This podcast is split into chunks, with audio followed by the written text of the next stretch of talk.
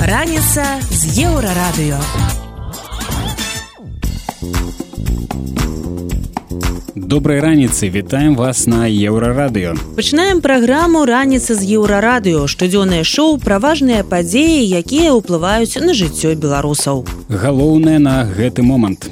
Сярэднія заробкі на берасцейшыне упали, ці ёсць шанец іх росту. При этом у нас снижается количество занятого населения в экономике, снижается количество бизнеса и снижаются налоговые поступления. Колькасць айцішнікаў у Беларусі вярнулася на ўзровень 2019 года. Большинство компаний перестало работать с Беларусью. Для них Беларусь, Россия, даже Украина – это крайне высокорискованная сегодня как бы зоны. Чаму будзе вучыць агульны падручнік гісторыі рассіі і Беларусі. Так што я думаю перад беларускімі гісторыкамі будзе пастаўлена вось гэтая задача прадэманстраваць што ўсе мы рускія падрабязнасці неўзабаве раніца з еўрарадыё Надоечы з'явілася інфармацыя, што ў студзені сярэднія заробкі па краіне ўпалі амаль на 280 рублёў. Падобная сітуацыя назіраецца і на берасцейшчыне. Падзенне па вобласці ў сярэднім 300 рублёў. Найбольш заўважнае яно ў пінску 318. А вось найменшыя згубілі працоўныя ў іванаўскім раёне толькі 51 рубель. Дарэчы, там жа самы высокі сярэдні заробак сярод раёнаў 1625 рублёў. А вось аутсайдерам стала 100 столеншчына там у студзені атрымлівалі ў сярэднім толькі 1440 рублёў дарэчы сярэдні заробак па вобласці дасягнуў 1740 рублёў І хаця лічбы выглядаюць няблага, трэба памятаць, што гэта сярэдні паказчык. У цэлым жа сітуацыя ў бюджэтнай сферы падаецца эканамістам катастрафічнай. Вось як гэта для маланка медыя каментуе эканамістка Аліса Рыжыченко. К сожалению, на сегодняшний день у нас нет ни ресурсов, ни возможности повысить зарплату, проиндексировать зарплату бюджетникам, потому что, первое, у нас бюджет исполняется с дефицитом уже который год, и при этом у нас снижается количество занятого населения в экономике, снижается количество бизнеса и снижаются налоговые поступления. А бюджет у нас состоит ну, там, на, практически на 92 или на 93 процента из налоговых поступлений как раз-таки. То есть у нас нету возможности, нету э, пути, куда расширять бюджет, да, с каких источников его больше пополнять. То бок нават такія зарплаты магчымыя да таго моманту, пакуль Нацбанк будзе друкаваць грошы. І пакуль рэжым штучна трымае кошты, то на гэтую суму можна будзе як-ніяк выжыць. Але ці надоўга хопіць рэсурсаў загадка. Раніца з еўрарадыё. Далей у праграме раніца з еўрарадыё. Колькасць айцішнікаў у Беларусі вярнулася на ўзровень 2019 года. Большинство компаний перестало работать с Беларусью. Для них Беларусь, Россия, даже Украина – это крайне высокорискованная сегодня как бы зоны. Чаму будзе вучыць агульны падручнік па гісторыі рассіі і Беларусі? Так што я думаю перад беларускімі гісторыкамі будзе пастаўлена вось гэтая задача прадэманстраваць што ўсе мы рускія. Падрабязнасці хутка не пераключайцеся. Раніца з еўрарадыё зарплаты падаюць а эканоміка губляе працаўнікоў прычым у некалі самых перспектыўных сферах. Ось і былы лакаматыў беларускай эканомікі айти галіна таксама далучылася да гэтай сумнай тэндэнцыі. Цяпер у ёй занятыя менш за 100 тысяч чалавек летась у айти працавала 88 тысяч чалавек гэта на 17 тысяч менш чым у 2022 годзе. Як падкрэслівае ресурс дэвбай лічба адкацілася на ўзровень 2019 года. Усяго ж за апошнія два гады ці сектара страціў амаль 23 тысячи чалавек і гэта толькі паводле афіцыйных звестак. У рэальнасці страты могуць быць яшчэ большымі бо белстат перастаў публікаваць інфармацыю асобна па айти а толькі па катэгорыі інфармацыя і сувязь. Таму высновы можна зрабіць толькі па тым што адбываецца ў парку высокіх тэхналогій напрыклад у 23 годзе там з'явіліся толькі 44 новыя рэзідэнты і большасць з іх гэта невялікія кампаніі у той жа час пра свой сыход з беларусі заявілі некалькі десяткаў буйных распрацоўшчыкаў напрыклад геймдэў кампанія плейціка мабільны распрацоўшчык аполлон і студыя белка геймс у іх мінскіх офісах працавалі сотні спецыялістаў паводле меркаванняў экспертаў прычыны такой сітуацыі не толькі і нават не столькі ў палітычнай сітуацыі вось што пра гэта расказаў для беларускага расследовательніцкага цэнтра айці прадпрымальнік павел лібер Из того, что я вижу, большинство компаний перестало работать с Беларусью. Для них Беларусь, Россия, даже Украина – это крайне высокорискованные сегодня как бы, зоны. Поэтому они, соответственно, ну, они, соответственно, и давят на компании белорусские, чтобы они вывозили специалистов в Европу, где можно было бы перезаключить контракт с этими же самыми людьми и продолжать работать в нормальной европейской юрисдикции. Да, есть какие-то компании, которые остались, но все-таки основное их количество сегодня уходит из региона. Цяпер у айчын маці ўсё больш невядомых расійскіх кампаній і аднадзённых стартапаў. Ці змогуць яны вярнуць інфармацыйны сектар Беларусі на былы ўзровень сумнеўна, але пакажа час. Раніца з еўрарадыё далей у праграме раніца з еўрарадыо Чаму будзе вучыць агульны падручнік па гісторыі беларусі рассіі Так что я думаю перад беларускімі гісторыкамі будзе пастаўлена вось гэтая задача прадэманстраваць што ўсе мы рускія. Працягнем неўзабаве.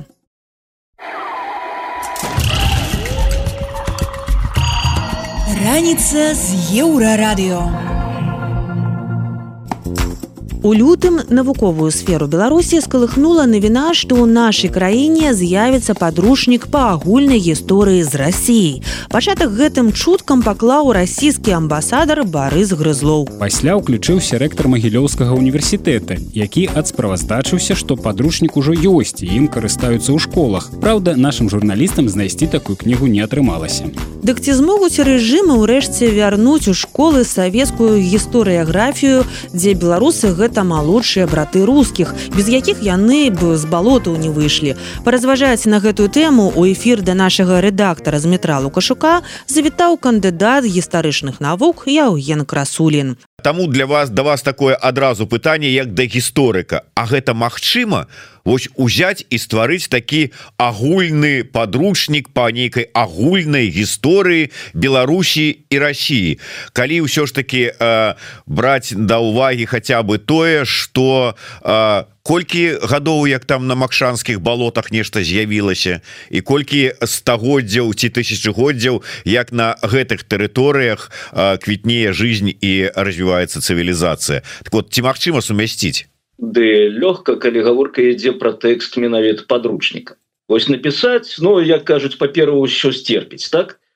Таму напісаць можна ўсё што заўгодна і мы уласна кажучы як людзі якія яшчэ э, прыспелі часы Савецкага саюзу памятаем так? Ось у гэт, гэтую э, гісторыю агульную для ўсіх. Ось гісторыя ссср як было написано ад э, найстаражытнейшых часоў до нашага часу. І вось мы вучылі там як у Савецкім Саюзе жыў хлопчык з пячоры цешек таж э, про Праўда цяпер высветлілася што гэта была дзяўчынка Ну гэта ўжо дэталі Ось і мы значит погружаліся вось у гэта сумеснае савецкае мінулае і гэтае савецкае мінулае яно было вельмі зглажанае вось на сваіх ускрайках. Менавіта у краінах балты Беларусь Украіна цэнтральная Азія гэтага так быццам бы не існавала. Вось жыццё до нас прыйшло тады калі до нас прыйшла Россия канешне за савецкім часам расійская імперыя гэта таксама не самое лепшае ўтварэнне но вось як э, такі выканаўца э, місіі цывілізацыйнай э, гэта лічылася ну нармалёва. І таму вось жыццё до нас прыходзіла до гэтага было невядома что ну польскія паны прыгняталі памятаем так? Ось і калі казаць пра уплыў таких э, тэкстаў ось у подручніках э, ён жа ўсё ж таки працаваў. Ось мы цяпер бачым так по тых же сацыяльных э, сецівах напрыклад по форумах у медыа э, можна сустрэць там выказыванне что да вы что? Это ж Ленін усё утварыў і Украіну Ленін утварыў і Беларусь Ленін утварыў цэнтральную Азію Ленін утварыў Ленін усё утварыў так уж недарма ему помнікі стаять паўсюль і э, як бы гэта не э, скажем так імкнуліся пераадольваць э, прыводзячы факты прыводзячы там ну зноўку канкрэтныя рэчы матэрыяльныя такія як тэксты э, э синхронныя вось маецца на увазе крыніцы гістарычныя э, крыніцы археалагічныя. Чогось маўляў тут ну слухайте ось э, за э, савецкім часам адвергалася э, ось гэта э, нормандская тэорыя что прыйшлі варагі вось утварылі на гэтым шляху з варах у грэкі э, штосьці падобнае на дзяржаўнасць казалі не гэта выключна славяне вось тых самых макшанскіх балотаў э, выпаўзлі і арганізавалі ўсё ім кажаш ну вось жа вось раскопки под смоленском э, вось гэты могільнік у гнёздава там же ўсё скрозь э, нормандская не пляваць Вось таму гэта э, нельга казаць что не працуе. А з іншага боку нельга казаць что гэта на 100соткаў працуе. Так калі казаць вось пра тэксты гэтых подручнікаў якія у чарговы раз у гісторыі спрабуюць нам навязаць і зноўку нават у самыя такія глухалетці савецкай эпохі ўсё роўна заставаліся нейкія крыніцы інфармацыі на якія можна было абаперціся там паспрабаваць самому провести нейкае даследаванне вось як я хлопчыкам там цікаюся гісторыяй менскую архітэктуры меня бянтэжыла А що гэта вось у менску ўсё нейкія наваробы там часоў сталина ды хрушчова. А у іншых гарадах там ёсць нешта дэрэволюцыйнае там церквы прыгожыя ёсць А у нас гэтага няма. Вось ніхто не мог адказаць на гэтае пытанне но калі сам сабе задаеш гэтае пытанне ўжо ты адчыняешь для сабе шлях до того каб знайсці адказ. Я знаходзіў у тым ліку не да ночы будзе прыгаданы дзякуючы зянону станіславовичу ён нам распавядаў у інстытуце гісторыі у школе юнага гісторыка про гісторыю архітэктуры менскую што з ёй адбылося. Ось таму э, былі былі магчымасці пераадолець вось гэты ўплыў. Э, цяпер я думаю э, тыя хто цяпер утварае вось гэтую адзіную гісторыю яны у чымсьці улічылі памылки папярэднікаў і Мачыма яны цяпер ну будуць перакрываць максимум магчымасцю вось крочыць у бок задаваць свои пытанні і шукаць інфармацыю дзеля адказу на гэтае пытанне. Но ўсё роўна пытанні ж будуць узнікаць. Бо э, такая гісторыя якая прапануецца ў гэтым подручніку яна відавочна будзе супярэчыць вось тому что мы назіраем тому что мы ведаем у тым ліку. Там ад бацькоў что мы ведалі раней.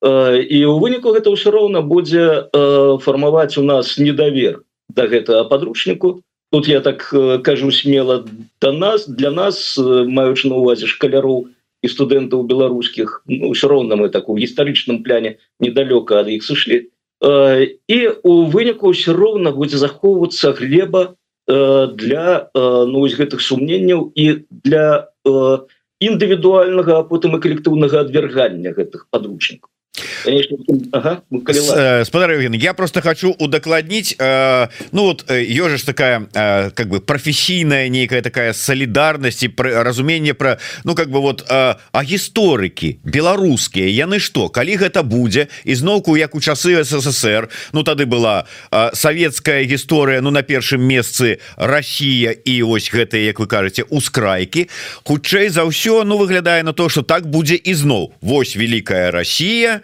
і вот ускраек кшталту Беларусі ці то апендекс такі ці то задница там э, с это э, российской імперии ці то что там такое. І э, вот ёсць беларускія гісторыкі ёсць целый інстытут гісторыі так яны ну вот люди годныя яны вывучаюць гісторыю сваёй краіны яе подносяць вот яны як першыя асобы у гістарычнай плыні сваёй краіны А так яны ізноўку атрымліваюцца нейкія вот эти вот поднеси расці расійскім коллегам? Ну власна кажучы тут ведаеце таксама савецкая гісторыя не толькі савецкая э, дае прыклады для вывучэння вось тым гісторыкам якія ну будуць э, скажем так здзіўлены ці незадаволены той роли якая адводится и беларусі беларусам и ему там ліку у гістарычных процессах могу нагадать вось у 1934 годзе выйшла постанова цк вКПб про вывучэнне гісторыі в універсітэтах з чаго дазволілі до гэтага до 34 года бальшавікі забаранялі выкладаць гісторыю ва універсітэтах ось у 34 годзе быў дадзены дазвол но у гэтай же постанове была пропісана модель гісторыі ось тая самая пятичленка по якой мы вучыліся з вами так это рабоўладальніцтва феодалізм капіталізм сацыялізм коммунізм ось ну там першабытка яшчэ была. І тыя гісторыкі якія вось зноўку былі ну скажем у изумленне ад гэтага асабліва гэта тычыцца калегаў якія займаліся нееўрапейскімі рэгіёнамі там Азія Афрыка. Яны ж бачылі ну няма няма там феодалізму дзе мы яго там знойдзем там протакапіталізм быў як уласна кажучы у старажытным Егіпце казаў наш земляк знакаміты Барыс Тураю з новогрудку заснавальнік школы старажытнага ўсходнезнаўства і ось тут падавалася ім паратунак что марк сказаў что гэта азіяцкі спосаб вытворчасці но не было у Азіі феодалізму. Добра азіяцкі спосаб вытворчасці.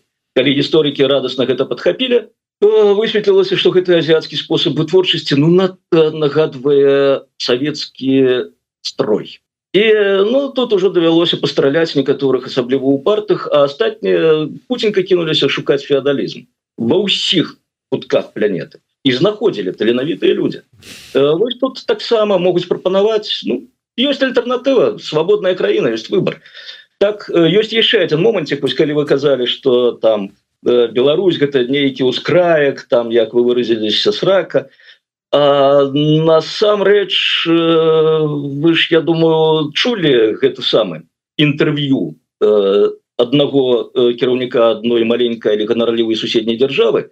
Недавно так с трэскам прайшло по медыа гэта інтэрв'ю. Вось что он там казаў? Великое княство літовское дык яно ж было русскім О і вось тут працуе гульня з тэрмінамі так усё мы назовем русскім каб потым усё назвать расійскім Так что я думаю перад беларускімі гісторыкамі будзе пастаўлена вось гэтая задача прадэманстраваць што ўсе мы рускія і да тэмы гістарычных паралеляў. Гісторык Яўген красулін працягвае разважаць пра тое чаму лукашенко не змяняе рэспубліку на монархію ці лёгка было б узяць да перарабіць беларусі беларускае грамадства у монархію монархічную нейкую такую а, такую супольнасць і а, выборы чаму гуляецца і ці гульня гэта? Вот як вы ацэньваеце тое что адбывалася зараз? Перад тым як пачаць размову на гэтую тэму ось давайте вызначымся з тэрмінамі так?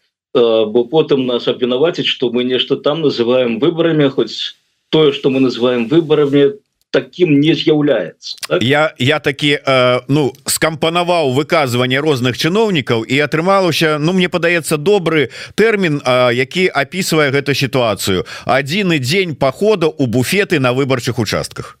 Мне больш падабаецца іншае пазначэнне гэта адзінны дзень галасавання Вось э, ну то бок савання чагосьці ў голым выглядзе кудысьці Э, зноўку ну я спадзяюся мы дамовіліся так что мы выборами называем вось гэта вот голое саванне от профессор вы жартаўнік ну. Ось ну, самі назвали ну не ведаю падзецца мне выпала рэкляма я прочытаў так як можна было прочытаць Вось дарэчы пытанне вельмі цікава у тым ліку з пункту гледжання акадэмічных даследаванняў навошта па-першае дыктатары не пераключаюць сабе вось на гэты монархічны лад а по-другое навошта яны праводзяць выборы і дарэчы літаратура вельмі шырокая по гэтай тэме. Не столькі у нас у нас усё ж таки на жаль аналітыка экспертыза палітычная яна тут таким пачатковым вельмі стане асабліва беларуская расійская таксама там метадалогія уводіць іх не туды. Вось лепш канечне чытаць заходнія крыніцы літаратурныя там дарэчы ёсць вельмі шмат даследаванняў цікавых что зноўку добра яны ў асноўным колькасныя то бок яны грунтуюцца на матэрыяле які можна подлічыць якасныя гэта ўжо там опісанне А чаму так адбываецца гэта ўжо іншая справа. І прачытаўшы гэтыя колькасныя даследаванні можна заняться якраз якасна. Вось вельмі цікава даецца інфармацыя недавно сустрэў одно выданне ангельскамоўная там разгледжаны аўтарытарныя рэжымы з 1948 по 2008 год падаецца іх там под 260 налічана. І вельмі цікавая статыстыка там по выборах у сярэднім раз на 5 год гэтыя рэжымы праводзілі выборы гэта значыць ну там у сярэднім раз у 5 год гэта 22сотки год дыктатарскіх рэжымаў прыпадаюць на выборы при гэтым 50соткаў падзення дыктатарскіх рэжымаў прыпадае на год выборов то бок тут бачна что выборы гэта каласальны фактор рызыкі для дыктатарскіх рэжымаў. Ось просто каласальны. Тым не менее яны на гэтыя выборы ідуць ось і тут зноўку пытання навошта нехта кажа что таким чынам дыктатары ну неяк атрымліваюць фидбэк сацыялёгі не сакрэт что при дыктатарскіх рэжымах сацыялагічныя даследаванні знаходзяцца далёка-далёка у маргенезе вынікі іх вельмі сумнеўныя. Вось як бы наши цудоўныя сацыёлагі не пераконвалі мяне что канешне можна прывесці правесці при любым рэжыме сацыялагічныя даследаванні атрымаць рэлевантны адэкватны вынік ну не я не могу такого казаць бо вынікі сацыялагічных даследаванняў ну скажем я сустракаўся з тымі хто працуе ў поле на гэтых даследаваннях і у меня ёсць подставы ну з недавером ставіцца да выніка. Як бы зноўку не казалі что да мы правяраем пераправяраем не. Вось. І тут зноўку а рэжыму трэба мець нейкія веды пра грамадства ось ён арганізуе выборы і глядзіць як галасуюць. Не. Якраз беларуская практыка показывае что гэта не адпавядае рэчаіснасці бо у нас просто ніхто не лічыць Вось ніхто не лічыць вынікаў таму пра якую сацыялогію можна казаць. Э, нават э, скажем по удзеле э, людзей у галасаванне то бок яны прыйшлі пасавалі там штосьці і вось там камісія участковая написала о у нас прыйшло столькі адсот перадалі гэта вышэй там акруговыя камісіі гэта ўсё подлічылі перадалі вышэй у цэнтральную камісію. Там яна зрабіла нейкіе там подбіўку гэтых дадзеных і э, пайшла за справаздачу адміністрацыю прэзідэнта так званого. І вось той атрымаў э, сацыялогію не у нас гэта немагчыма таким чынам выборы не для сацыялогіі однозначно. Э, зноўку калі гэта такая рызыка для э, рэжыму прычым рэжыму двадцатым годзе пераканаўся на власнай скуры якая гэта рызыка класальна ўсё ж таки он працягвае гэта рабіць. Э, вось калі глядзець на э, тыя наратывы якія даносяць вось цяпер пасля 25 26 ну 25 ось адбыўся гэты дзень галасавання э, ось і э, вынікі.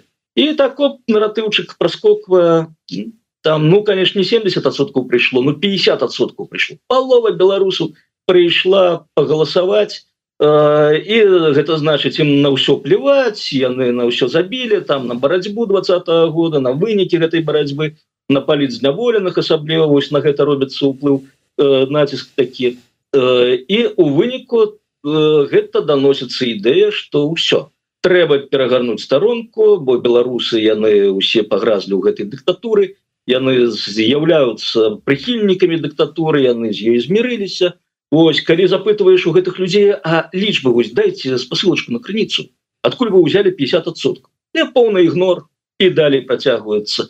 Так палова насельніцтва прыйшла прагаласаваць і там э, каб подцвердзіць вось э, слушнасць гэтых словаў пишутць і это правда яшчэ дадаюць увы і вось гэта ўсё мусіць фармаваць у чалавека чытача блин ну що беларусы ну що гэта ганебная нация пайшлі прагаласавалі ўсе.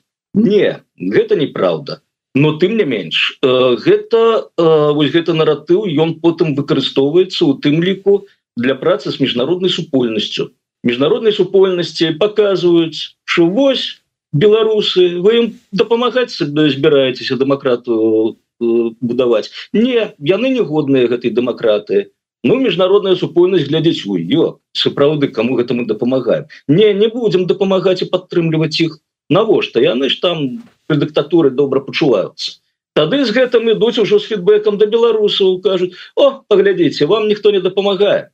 Адзінае ваше спадзяванне на каго? На нас канечне. Таму нікуды вы не падзенецеся будете про нас жыць Вось тут я больш поверу что э, гэта такая мэта можа стаять но э, гэта ведаеце такая ну па-першае до да гэтага цяжка дадумацца. Можна ўжо рэактыўна так адрэфлексаваць. Скласці такі хітры план не надта просто Вось. По-другое тут э, зноўку можна пагуляцца з гэтымі пытаннямі адкуль у вас такая інфармацыя і власна кажучы вось разбіць гэтыя наратывы таким контраргументам. Но ўсё роўна з міжнароднай э, супольнасцю застаецца вельмі істотны момант у ейных вачох выборы як бы мы гэта не называли по ходу буфет ці голае саванне гэта выборы яны прайшлі і э, таким чынам гэта на наступны тэрмін легітымізавала прысутнасць прадстаўнікоў гэтага рэжыму міжнародных арганізацый.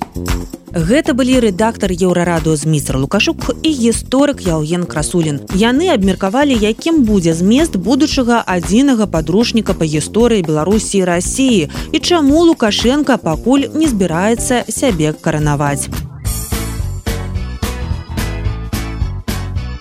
Раніца з еўрарадыё далей у праграме раніца з еўрарадыё людзей якія плацілі гіганцкія штрафы за данаты ўсё роўна могуць пасадзіць на 15 гадоў.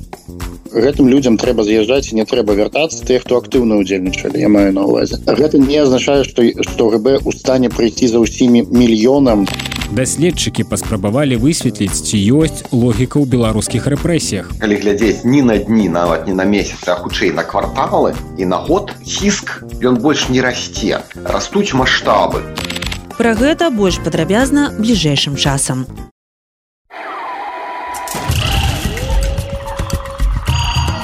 Раніца з еўрарадыё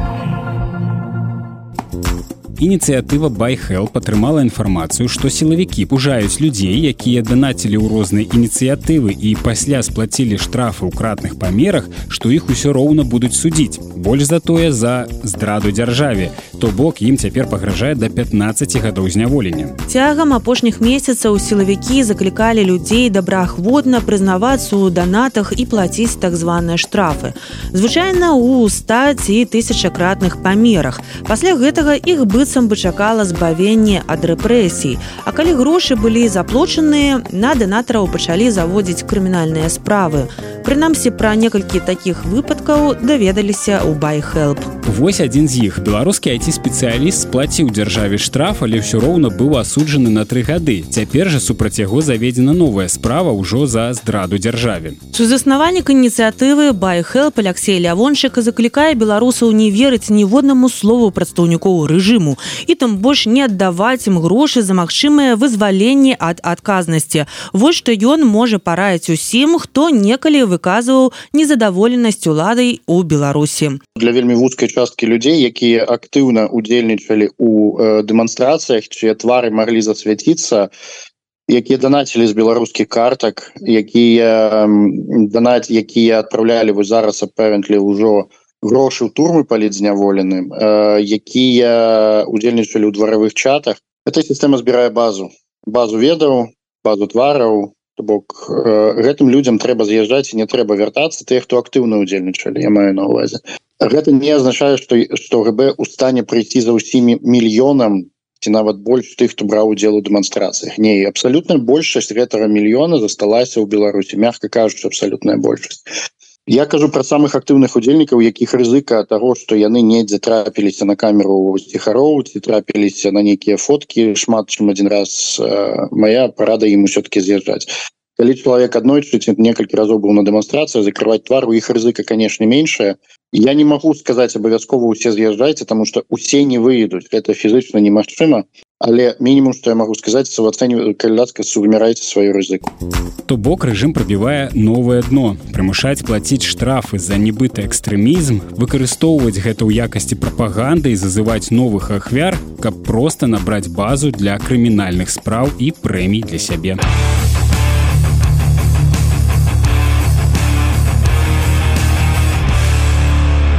Еўрарадыё Далей у праграме раніца з еўрарадыё. Даследчыкі паспрабавалі высветліць, ці ёсць логіка ў рэпрэсіях. Калі глядзець не на дні, нават не на месяц, а хутчэй на кварталы і на год ціск ён больш не расце. Растуць маштабы. Падрабязнасці неўзабаве.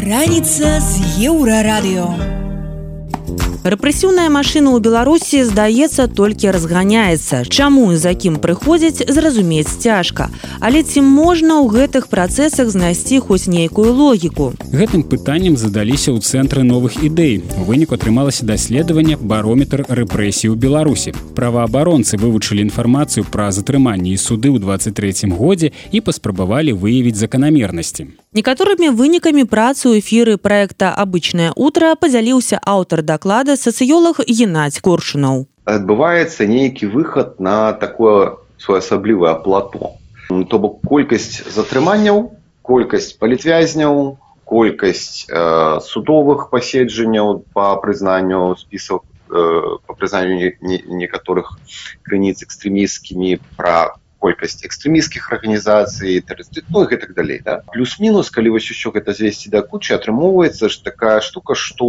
э, ёсць нейкая стабілізацыя ёсць пэўныя выбухі зразумела да? напрыклад э, як было пасля падрыву самалёта на мачулішча калі глядзець ні на дні нават не на месяц а хутчэй на кварталы і на год ціск ён больш не расце растуць маштабы таксама геннадзь коршунаў расказаў пра тое што вядома пра рэальную падтрымку грамадствам рэжыму і яго дзейнасці. Ці слушная заява лукашэнкі што яго падтрымлівае 87соткаў жыхароў беларусі працягвае сацыёлог насамрэч ядро таких э, ідэйных я бацік яно наўрад ці павысь подвысілася э, я про гэта казаў про гэта казаў вам яшчэ даследчыкі казалі што ядро таких ідэйных я бацькі оно наўрад ці больш за 30-33 ну там максимум 35соткаў палова з якіх будзе галасаваць за лукашэнку? Зразумела што ёсць пало ёсць частка таких жа упэўненых праціўнікаў якія ніколі ў жыцці не будуць галасаваць за лукашэн Я думаю таксама 10 25 30соткаў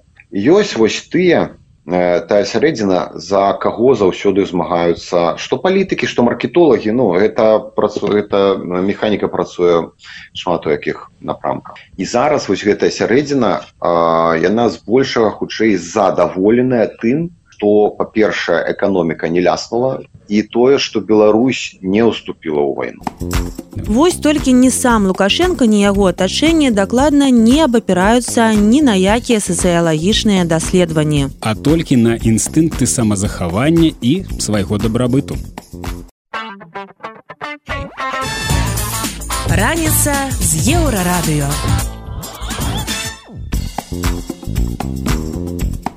вяртаемся на еўрарадыё і працягваем ранішні эфір. Вы па-ранейшаму слухаеце раніцу з еўрарадыё. Інфармацыйнае шоу пра важныя падзеі якімі жывуць беларусы і іншы свет. І вось што цікавага мы распавядзем далей. Навошта літва зачыняе яшчэ два пераходы на мяжы з беларусю? Может быть этот шаг надо было вести раньше может быть границу закрыт абсолютно об этом тоже говорят.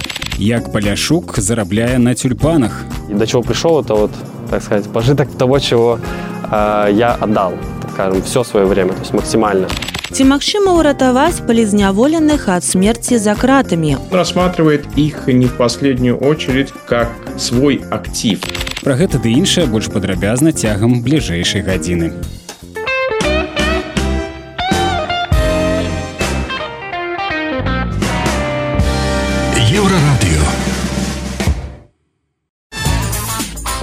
раніца з еўрарадыё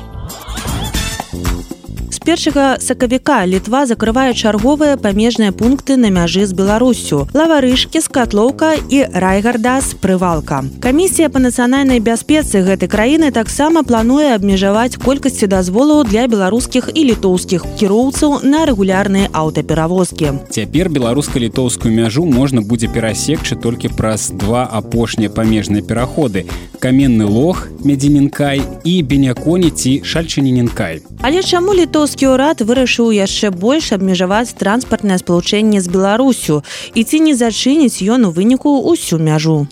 Сітуацыю выданню маланка медыя тлумачыць палітычны аглядальнік і тэлевядоўца віталь цыганкоў. Я можа быть выказался б стратэгічна пра стаўленне літоўцаў да беларусаў. Літоўцы яны любяць свабоду і яны гэта не праяўляюць паўсюль гэта не наіграна гэта сапраўды рысы іх нацыянальнага характару.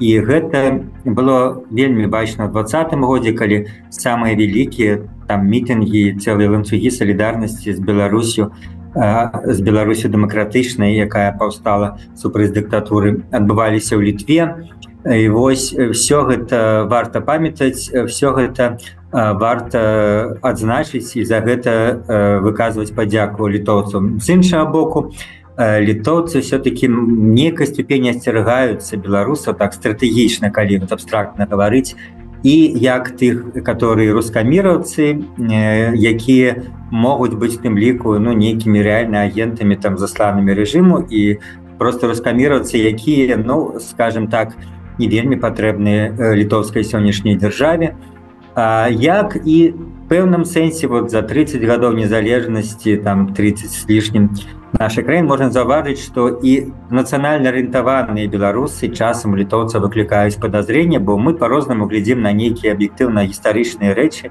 на там великкае княства літоўскае на тое як вільня апынулася ў складзе літвы нават калі ніхто гэта не ставіць пад сумнеўно нават разважанне на гэта як это адбывалася можа некаторых літоўцаў там прыводзіць скажем у абурэння ў ступары гэтак далей.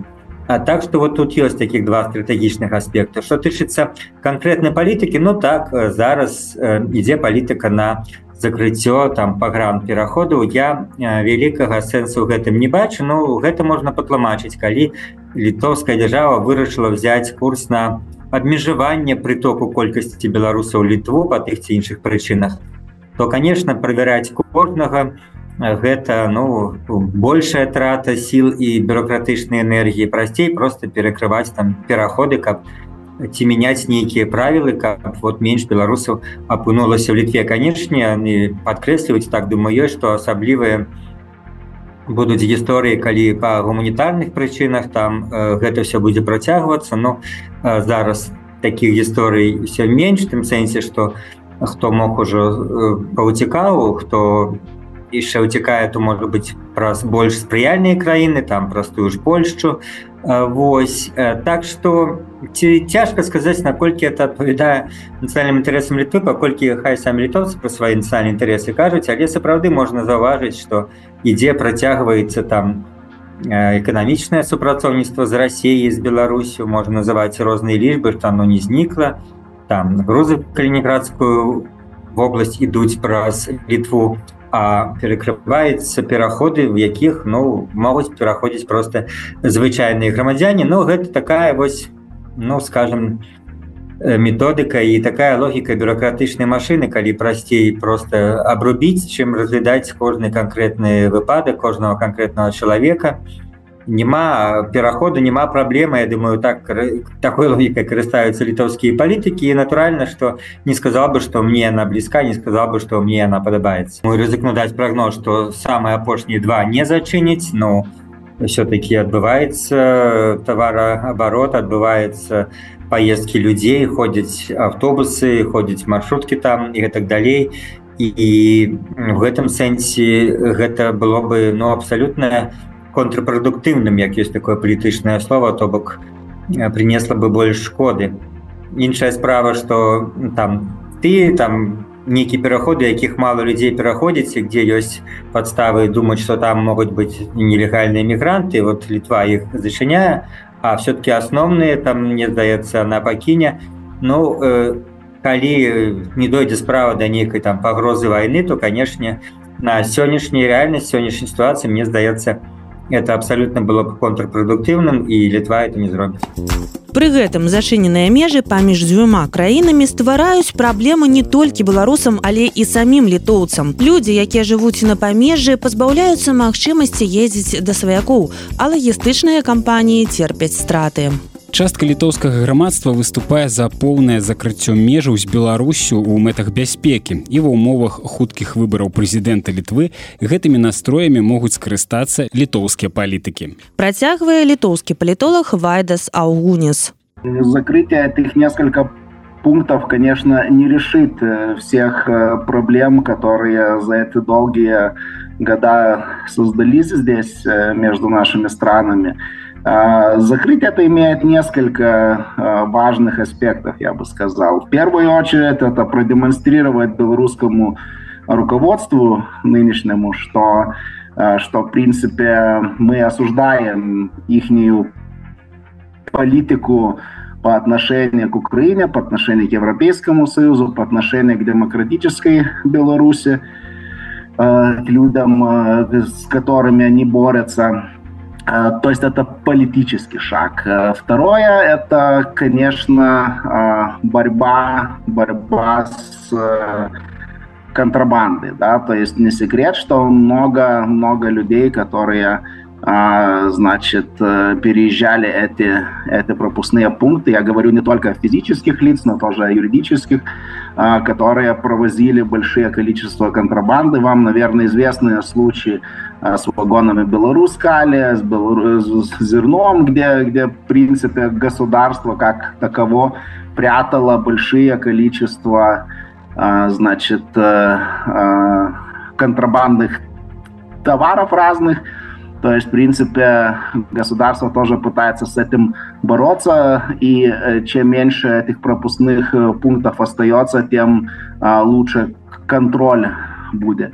Ну и опять третье, вот если смотреть, э, скажем, э, на, на ситуацию э, на границе, есть очень много людей, которые пользуются тем, что, что в Литву можно въезжать много беспрепятственно, заводят всякие бизнесы. Это, это раз мы не до конца уверены, сколько из этих людей действует по своей воле, а сколько сотрудничает с белорусскими спецслужбами. То есть э, это, это еще один вопрос. Я не скажу, что э, в Литве э, значит, каждое самоуправление, каждый человек одобряет этот шаг, особенно те районы, которые примыкают к границе, Шельченинский, Вильнюсский, да, то есть они, в принципе, имеют некоторые вызовы, вызов в том, что часть население, может быть, э, ехало там э, закупаться, какими-то мелкими бизнесами заниматься. Второе, это, конечно, э, увеличится очереди на границе, это опять, значит, и загрязнение, и, и мусор, и все остальные неудобства. Но, но в принципе, я думаю, что, что это решение, она э, давно назрела, и я уверен, что э, это будет э, шаг, э, который покажет э, и э, белорусскому руководству и, э, скажем, тем людям, которые думают, что э, то, что Беларусь выступила как агрессор по стороне э, России в Украине, да, что это как будто нормально. Это ненормально, и Может быть, этот шаг надо было вести раньше, может быть, границу закрыть абсолютно, об этом тоже говорят, но, но в принципе, я думаю, что большинство все же э, думает, что это осознанный и умный шаг. З намі быў літоўскі палітолог Вайда Сагуніс і палітычны аглядальнік і тэлевядоўца Віталь цыганкоў. Эксперты паразважалі, навошта літоўскі ўрад закрывае памежныя пераходы на мяжы з Беларусю. Раніца з еўрарадыё. Далее у праграме раніца з еўрарадыё. Як паляшук зарабляе на тюльпанах. И до чего пришел, это вот, так сказать, пожиток того, чего э, я отдал, так скажем, все свое время, то есть максимально. Ці магчыма ўратаваць палізняволеных ад смерти за кратами рассматривает их не в последнюю очередь как свой актив процягнем пасля навінаў спорту доброй раніцы мы з беларусі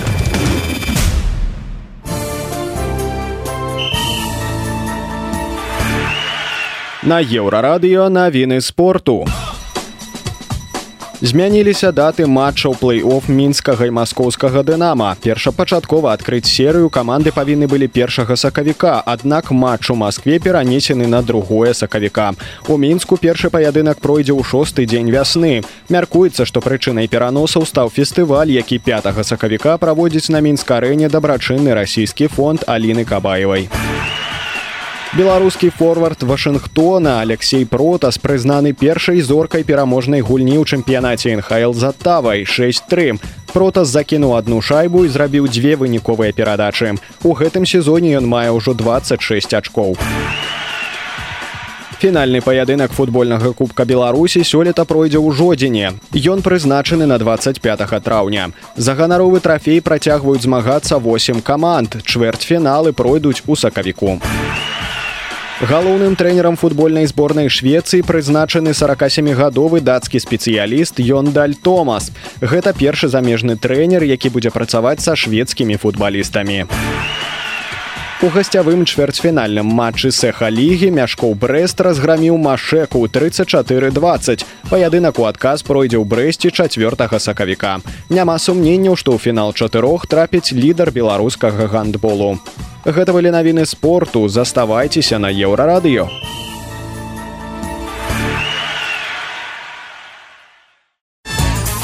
Раніца з еўрарадыё весці бізнес у сучаснай беларусі зусім няпростая справа. Але гэта не спыняе маладых беларусаў ад жадання працаваць на сябе. Менавіта так вырашыў алексей здраічна і пачаў вырошчваць і прадаваць тюльпаны. Алексей займаецца кветкавым бізнесам з 19 гадоў і вось уже пяты год прадае іх оптам па ўсёй беларусі. Думкі пра прадпрымальніцтва да алексея прыйшлі ў войску. Адслужыўшы у хлопцы загарэліся вочы паспрабаваць нешта сваё У пінскім раёне, адкуль прадпрымальнік родам, кэшы робяць хто на клубніцах, хто на гародніне. Вось я Алексей вырашыў нешта выгадаваць. Палез у інтэрнэт шукаць варыянты і спыніўся на тюльпанах. Як паляшук зарабляе на кветках, ён распавёў выданню онлайнер. Изначально, естественно, мой путь начался с армии, отслужил полтора года, и когда пришел с армии, у меня была идея. То есть, естественно, хотелось попробовать что-то свое. У нас тут город такой-то, что выращивают все клубнику, голубику, малину, и не хотелось идти как, как все, и хотелось вырастить что-то свое. И я начал мониторить интернет, начал мониторить э, YouTube, и пришла идея попробовать вырастить тюльпаны. И как раз это был сезон, сезон посадки. Я начал оперативно искать поставщика, немножко было поздновато. Э, с горем пополам я его нашел, но не сразу. На тот момент у меня не было ни, там, ни машины, ничего. Я беру мамину машину и еду с ней за первым, так сказать, своим закупом луковицы. И на тот момент я приобрел, по-моему, около 1800 штучек. Э, первый закуп луковицы был в районе 250 евро. На тот момент э, луковица там была не сильно дорогая, если сравнивать с сегодняшними ценами. Мы на тот момент жили в квартире. Э, у меня была бабушка, она жила в городе. И часть луковицы я вырастил, начал выращивать у нее в сарае. То есть я поставил на укоренение, посадил и потом просто перенес к ней веранду. И часть даже вырастил в квартире на подоконнике. Кстати, на тот год я еще докупал тюльпаны, то есть я продал свои 1800, также купил еще оптом и также те 1000 тоже продал. И с этого зародилась моя идея, и после 8 марта я поехал сразу же зарабатывать, так сказать, первый свой капитал на Чехию, чтобы их, естественно, в дальнейшем вложить в свое дело. Вот мой участок, на котором я уже выращиваю тюльпаны. А, здесь у нас находится помещение, так называемый холодильник, на, в котором мы храним тюльпаны. Также здесь у нас есть кочегарка и э, помещение для переборки тюльпанов. И, естественно, за этим помещением у нас находятся теплицы, и также там старая наша теплица. И здесь также находится наш дом, который э, с самого изначального момента здесь стоит, и мы в нем в сезон живем. Пройдемте, наверное, посмотрим сразу нашу старенькую теплицу. Это самая первая теплица, в которой я выращивал тюльпаны. Моя первая теплица была в городе, в которую мы посадили 20 тысяч тюльпанов. Это мой, мой был второй год выращивания тюльпанов. Было довольно-таки тяжело в плане реализации. Я мог бы дальше не увеличиваться, а мог бы просто прогореть. А, вот. Но, слава богу, все прошло хорошо. Но я с того момента понял то, что продажи должны организовываться заранее, и их нужно продумывать. Сегодня у нас на улице тепло, за счет этого у нас постоянно открыты двери, работает приточка, а, которая охлаждает нам нашу теплицу. Теплица отапливается изначально котлами, которые нагревают воду. И вода по трубам поступает к нам в теплицу. И также, когда она прошла по этим трубам, она поступает на тепловентиляторы, которые в последующем выдувают тепло из этих э, труб. И таким вот образом нагревается наша теплица. Тюльпан должен выращиваться на температуре от 12 до 15 градусов. Это максимальная идеальная температура. А, там просто, если ниже температура, то тюльпан, естественно, дольше растет, но лучшего качества. Если, допустим, чуть выше температура, тюльпан, тюльпан чуть быстрее растет, но более низкого качества. Получается, при выращивании температура это самое важное. То есть, допустим, если мы где-то проспим, а на улице, допустим, ночью минус 20, и мы просто можем потерять весь урожай в один момент. Даже, допустим, хотя сегодня у нас на улице плюс, но я все равно каждый день смотрю температуру, и я понимаю то, что, допустим, там завтра минус 12, я могу лучше там ночью не поспать вообще, но я буду уверен, то, что тюльпаны наши топятся. А за данной дверью находится у нас здесь а, кочегарка, которая отапливает нам все теплицы. А, здесь у нас находится два котла, а, которые нас спасают и без проблем отапливают. И их, так скажем, нужно только поддерживать постоянно количество дров, которые мы постоянно закидываем внутрь. То есть на тот момент, когда я начинал, про тюльпаны э, особо не было никакой информации ни в Ютубе, ни в интернете, и приходилось учиться на своих ошибках. То есть с первого года у нас качество тюльпана постоянно растет. На данный момент у нас три теплицы, то есть две в этом году мы построили, даже в прошлом году, получается, построили, и одна у нас была с самого начала, так скажем, э, моего выращивания. И, как говорил мой отец, э, строитель, я ему просто постоянно помогал, а он как бы руководил стройкой.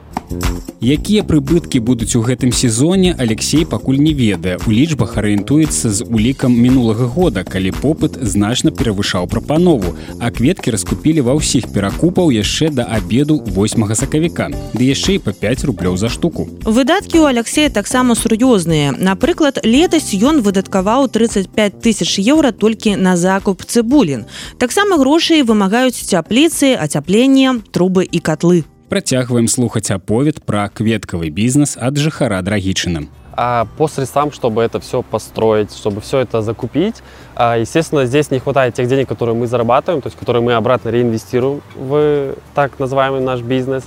А, я постоянно э, беру кредиты на себя, беру, так сказать, какие-то обязательства и занимаю у родственников. И за счет этого только получается так расти и э, строить вот такие вот теплицы прекрасные и помещения. По заработку тут э, тяжело сказать, потому что э, можно заработать, также можно и э, прогореть на этом деле. То есть если э, смотреть на благоприятные там, условия, как в прошлом году, когда там все без проблем продались, тюльпана не хватало, то можно зарабатывать э, x2 от э, стоимости луковицы. То есть, допустим, на луковицу мы потратили 35 тысяч, то есть мы зарабатываем еще 35. Но это довольно-таки а, вымышленные цифры, потому что у всех все индивидуально. У кого-то получается вырасти там а, хуже цветок, естественно, его продают э, дешевле. У кого-то получается больше вырасти, то, естественно, там у него цена такая. Это без учета каких-то своих э, вложений, то есть без учета вложений там на э, отопление, на все остальное. То есть, допустим, если говорить про чистую прибыль, то а, допустим, если по прошлому как году говорить, то есть, допустим, 35 тысяч мы вложили в луковицу, 10, допустим, в оборудование, то есть мы заработали там около 20 тысяч. Как видите, мы ежегодно растем. То есть в прошлом году у нас одни цифры ушли на закуп луковицы, в этом году совсем другие. То есть э, я, там, скажем, там, не покупаю себе там, ни дом, ничего остальное, хотя там могли бы это сделать. Э, мы пока пользуемся такой стратегией, то есть пока все вкладываем в то дело, которое приносит деньги. То есть, и буду так делать, пока оно не перестанет приносить деньги только там на третий год я решил себе купить машину. Если смотреть на затраты по теплицам, то она там занимает, наверное, только каких-то 20% или 10% от общих там вложений в тюльпаны. И то, когда я ее покупал, я ее покупал только по инициативе жены, А, вот, мне было тяжело тратить деньги на нее, я понимал, что я лучше посажу чуть больше тюльпанов, и в следующем году, может быть, куплю ее же. А, вот, но все-таки решились и приобрели машину. А, на сегодняшний день у нас уже вырезано около 10 тысяч тюльпанов. Мы их, естественно, сегодня все упакуем. И планируется еще срезать около 5 тысяч. То есть общий объем на сегодняшней срезке будет 15 тысяч. Это уже заложилось во мне с детства. А, я скажу, я когда-то в школе даже э, ну, еще со школьных времен начал смотреть все вот эти вот видеоролики про там, бизнес, про какое-то свое дело, и мне это очень нравилось. И допустим, там мои знакомые смотрели каких-то там блогеров, которые там рассказывают просто там про свой день, там блоги какие-то. А у меня с самого начала, то есть я уже начал смотреть какие-то подкасты про развитие там бизнеса в Беларуси, то есть мне начало было интересно. И там со школьных времен я уже что-то продавал и пробовал на это зарабатывать прошлом году или э, там позапрошлом как-то я еще немножко себя искал. То есть я понимал, что, может быть, тюльпаны — это не, не то э, дело, которым я хотел бы всю жизнь заниматься. И э, я смотрел на те моменты, либо которые дела, которые мне нравятся. И я начал пробовать там продажи через Wildberries. Начинал просто что-то перекупать, продавать, но понял, что это не приносит мне какого-то, там, не знаю, обратной связи и кайфа. И я понял, что тюльпаны — это то дело, которым я хотел бы сейчас заниматься. И решил бить в одно место и увеличиваться. С момента, когда я пришел с армии, то есть все мои силы, все мое там внимание, это вот все ушло на вот это вот дело. То есть мой э, старт и до чего пришел, это вот, так сказать, пожиток того, чего э, я отдал скажем все свое время то есть максимально. На дадзены момант алексей збіраецца і далей развівацца ў сваёй справе. Амаль усе заробленыя грошы ён рэінвестуе ў бізнес будуе новыя цяпліцы закупляе абсталяванне для вырошчвання кветак у галаве маштабы вялікія пераходзіць з міні-цяплічак да вялікіх цяплічных комплексаў па гадаванні кветак так падсумоўвае свае мары паляшук у каментары для выдання онлайнер Раніца з еўрарадыё. Далей у праграме раніца з еўрарадыё. Ці магчыма ўратаваць палізняволеных ад смерти за кратами? Рассматривает их не в последнюю очередь как свой актив. Працягнем пасля навінаў шоу-бізу.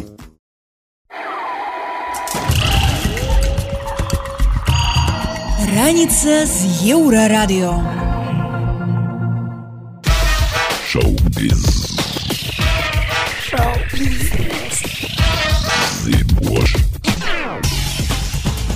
Навіны шоу-бізу на еўрарадыё. Нядаўна абвешчаны дыягназ караля Карла III выклікаў хвалю падтрымкі. У букінгемскі палац было адпраўлена больш за 7 тысяч паштовак і лістоў палац выпусціў кранальнае відэа на якім бачна як кароль разглядае подборку гэтых шчырых паведамленняў некаторыя з іх выклікалі смех ды самыя шчырыя пачуцці. Нягледзячы на скарачэнне публічных выступаў дзеля курсу лячэння монарх працягвае займацца дзяржаўнымі справамі. Яго нядаўняе пасланне салідарнасці з украінай у гадавіну ўварвання рассіі падкрэслівае яго нязменную прыхільнасць глобальным праблемам на фоне асабістых цяжкасцей са здароўем Райан Гослінг выканае песню я проста кен са знакамітай кінастужкі на ўручэнні прэміі Оскар. Пасля некалькіх месяцаў здагадак пацверджана, што акцёр заспявае песню ў жывую на цырымоніі. Гослінг, які мае намінацыю за лепшую мужчынскую ролю другога плана, першапачаткова выказаў няўпэўненасць наконт выступу, але цяпер гатовы для гэтага. Марк Ронсон, аўтар песні, паведаміў, што марыў пачуць сваю кампазіцыю выкананні Раяна на Оскары. Я просто кен адна з дзвюх намінаваных песень з барбі. Цырымонія ўручэння прэміі Оскар адбудзецца ўжо 10 сакавіка. Тимати шаламэ нядаўна перагледзеў параду акцёра Леонарда Дкапры, які перасцерагаў першага ад здымак у фільмах пра супергерояў. Шаламэ прытрымліваўся парады, але выказаў адкрытасць да роляў супергерояў, калі сцэнар і рэжысёр стужкі будуць пераканаўчымі. Тимати назваў цёмнага рыцара фільмам, які распаліў яго запал да акцёрскага майстэрства, высока ацаніўшы гульню легендарнага хіта леджера. Сёлета шаламэ ў асноўным засяроджаны на прэм'еры другой часткі фільма Дюна. Разам з калегай Зендае яны ўжо прэзентуюць стужку па свеце. Хто ведае, сёння акцёр пазбягае фільмаў па коміксах, але ў будучыні можа з'явіцца супергерой і ў яго выкананні. Гэта былі навіны шоу-бізу, заставайцеся на еўрарадыё.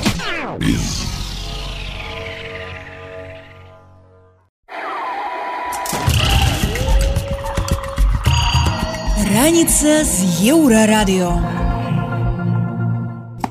За апошнія тры гады ў беларускіх турмах памерлі 5 палітычных зняволеных. Актывіст Вітольд Ашурак, блогер Миколай Клімович, мастак Алесь Пушкін, айцішнік Вадзім Храсько.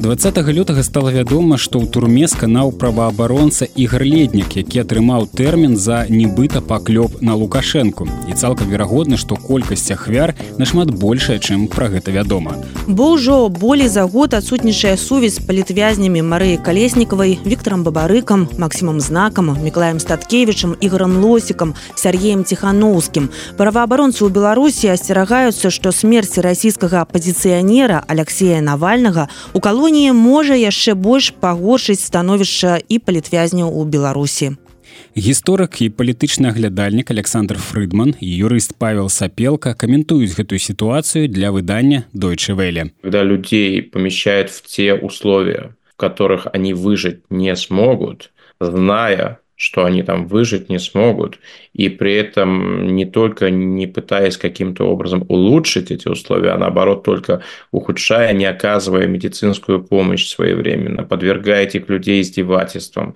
которые в большинстве случаев являются даже не просто издевательствами, а пытками, то это создание условий для того, чтобы эти люди умерли, чтобы они погибли. И поэтому, да, может быть, несколько полемично, но я бы вполне это назвал убийством.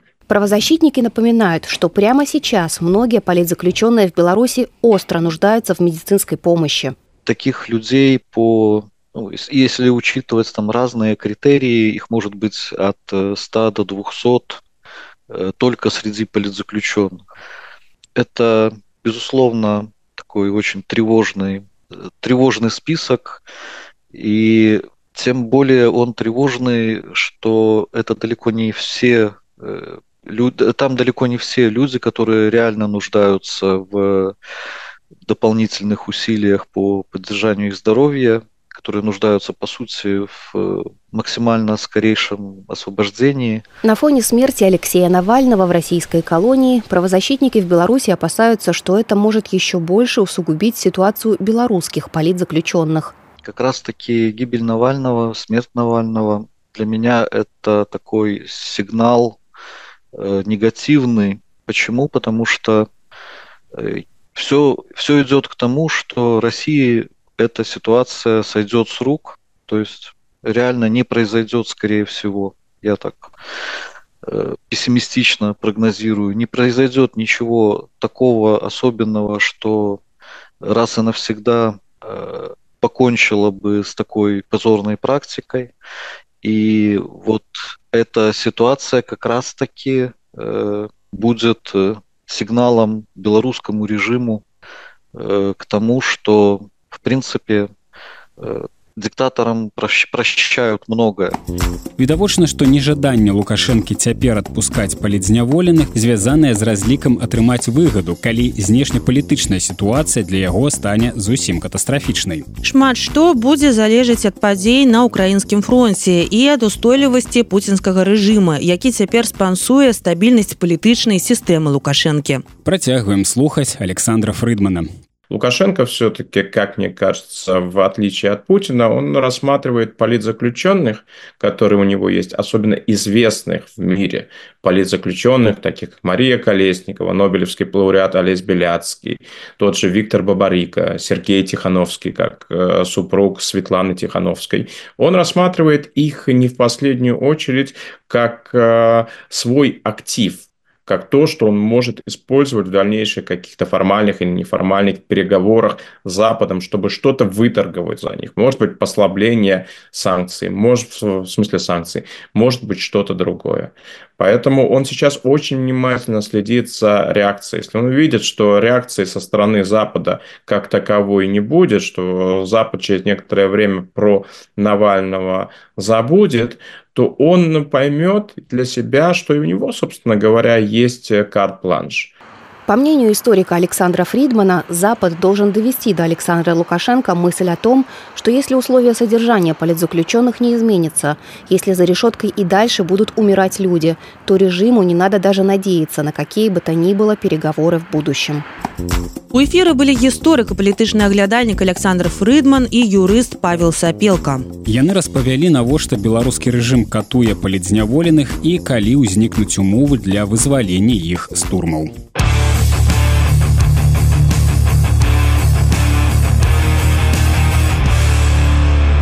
Еўрарадыё.